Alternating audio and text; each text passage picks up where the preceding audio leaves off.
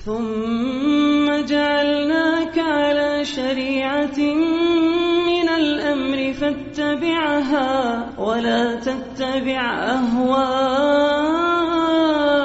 الذين لا يعلمون.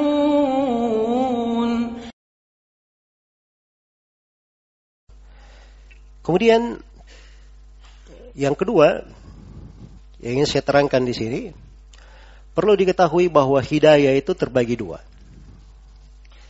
Hidayah terbagi dua. Ada namanya hidayah menuju kepada jalan. Al-hidayah itu ila tariq. Hidayah menuju kepada jalan.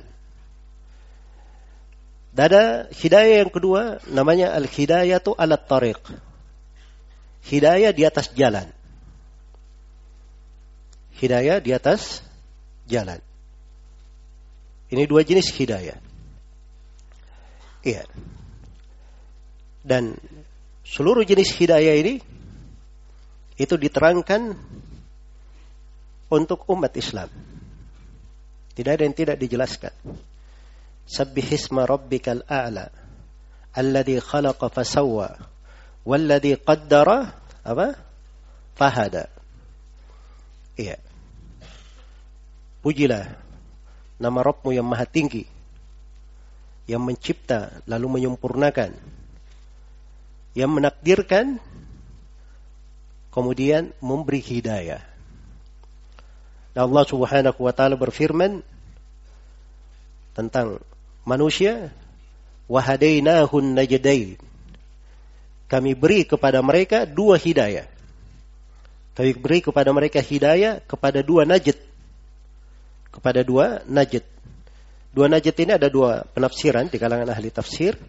Salah satunya diberi hidayah supaya dia mengenal al-huda petunjuk dan dia mengenal kesesatan. Iya. Jadi lengkap. Hidayah, petunjuk diterangkan. Karena itu ada namanya hidayah menuju kepada jalan. Tadinya dia kafir, non muslim. Lalu Allah beri hidayah kepadanya. Dia masuk ke dalam Islam. Ini namanya hidayah menuju kepada kepada jalan. Iya. Hidayah yang kedua itu namanya hidayah di atas jalan. Sebab seorang kalau sudah tiba di jalan Islam, di jalan Islam ini ada ujian dan cobaan-cobaan. Ada ujian dan cobaan-cobaan. Karena itu diriwayatkan oleh Imam Ahmad rahimahullahu taala dan selainnya dari Abdullah bin Mas'ud radhiyallahu taala anhu beliau berkata khatta lana Rasulullah sallallahu alaihi wasallam khattan mustaqiman faqala hadha sabilullah suatu hari Rasulullah sallallahu alaihi wasallam menggaris untuk kami garis yang lurus lalu beliau berkata ini adalah sabilullah ini adalah jalan Allah Subhanahu wa taala ثم خط عن يمينه وشماله خطوطا Kemudian Nabi Shallallahu Alaihi Wasallam menggambar garis-garis di sebelah kanan dan di sebelah kirinya. Garis-garis yang banyak. Lalu beliau katakan, "Hadhihi subul, ma min sabilin minha illa wa alaihi syaitan yad'u ilaih." Kata beliau ini adalah jalan-jalan. Tidak ada satu jalan pun dari jalan-jalan ini kecuali di situ ada syaitan yang mengajak kepadanya. Ya Nabi sudah gambarkan. Jalan Islam itu terang, jalan lurus. Tapi kita ada ujian di jalan itu. Di kanan dan di kiri jalan ini, itu ada jalan-jalan yang syaitan pada setiap jalan itu memanggil, mengajak ke situ.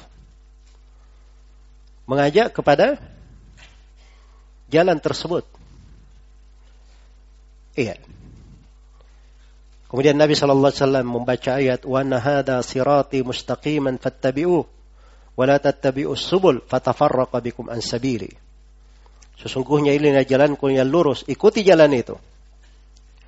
Dan jangan kalian mengikuti jalan-jalan yang lain.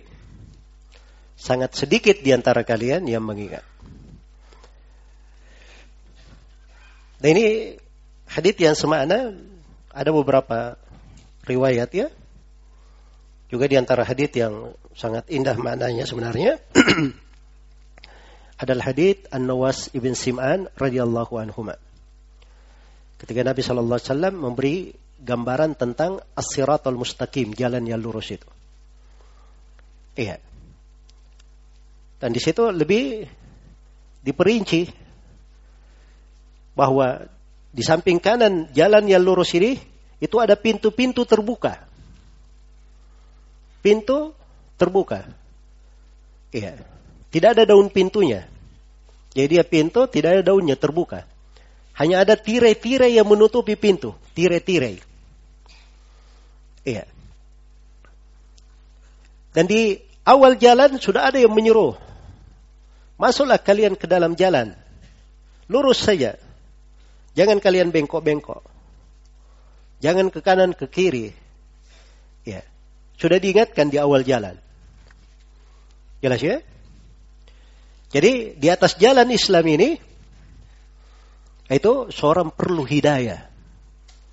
Dia perlu hidayah. Karena itu kenapa kita selalu memohon kepada Allah Subhanahu wa taala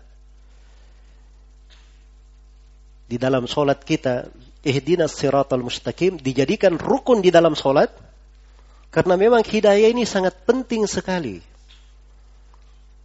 Hati itu berbolak-balik.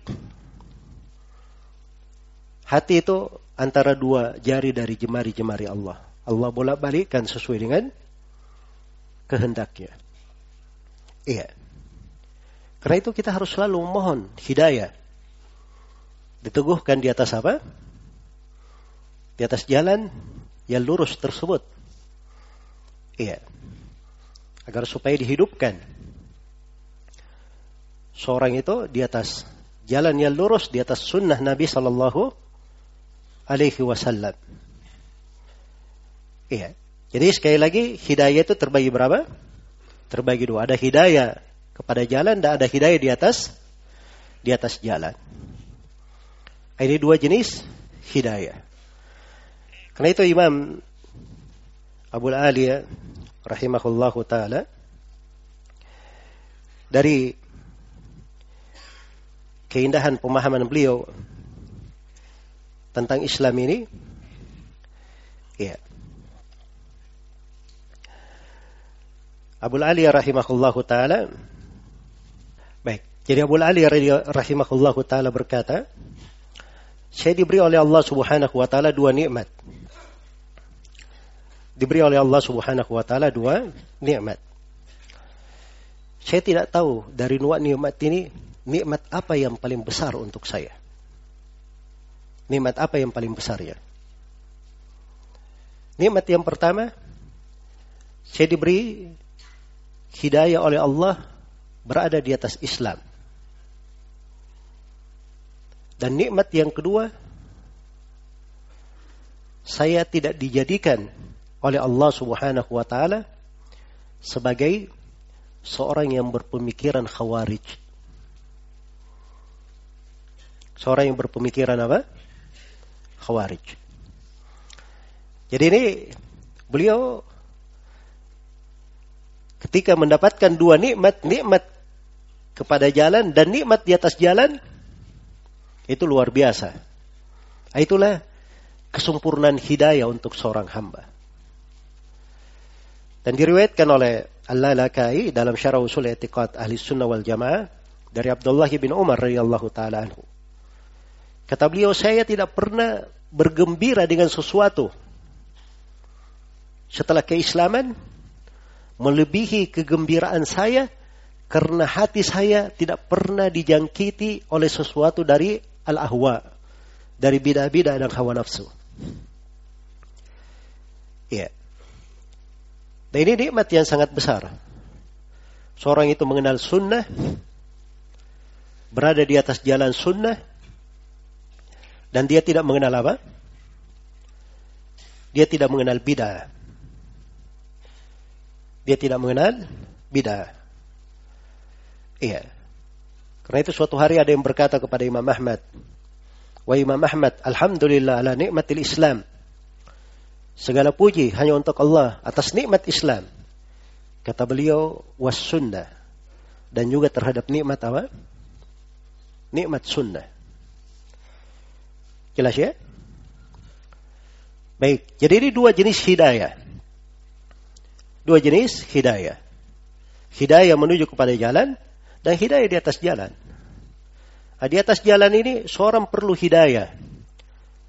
Dia berada di atas sunnah Nabi sallallahu alaihi wasallam. Berada di atas jalan Nabi sallallahu alaihi wasallam.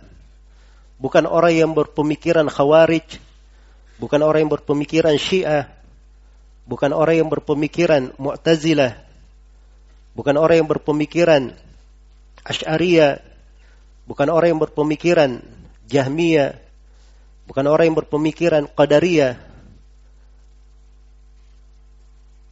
Dia puji Allah Subhanahu wa taala. Termasuk di masa sekarang ini. Kalau dia kenal sunnah, dia tidak pernah kenal apa itu ikhwanul muslimin. Dia tidak kenal apa itu Hizbut Tahrir. Dia tidak kenal apa itu Al-Qaeda. ISIS. Dan yang semisal dengannya. Maka itu nikmat namanya. Dan itu petunjuk di atas jalan. Petunjuk di atas jalan. Jelas ya? Karena itu kita melihat orang-orang yang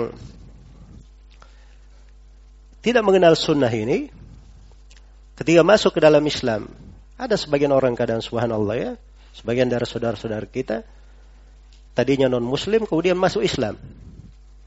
Ya, kita syukuri hal tersebut ya, kita bergembira dan kita berdoa supaya diteguhkan di atas Islam dan semoga Allah memuliakan kita semua dengan surganya.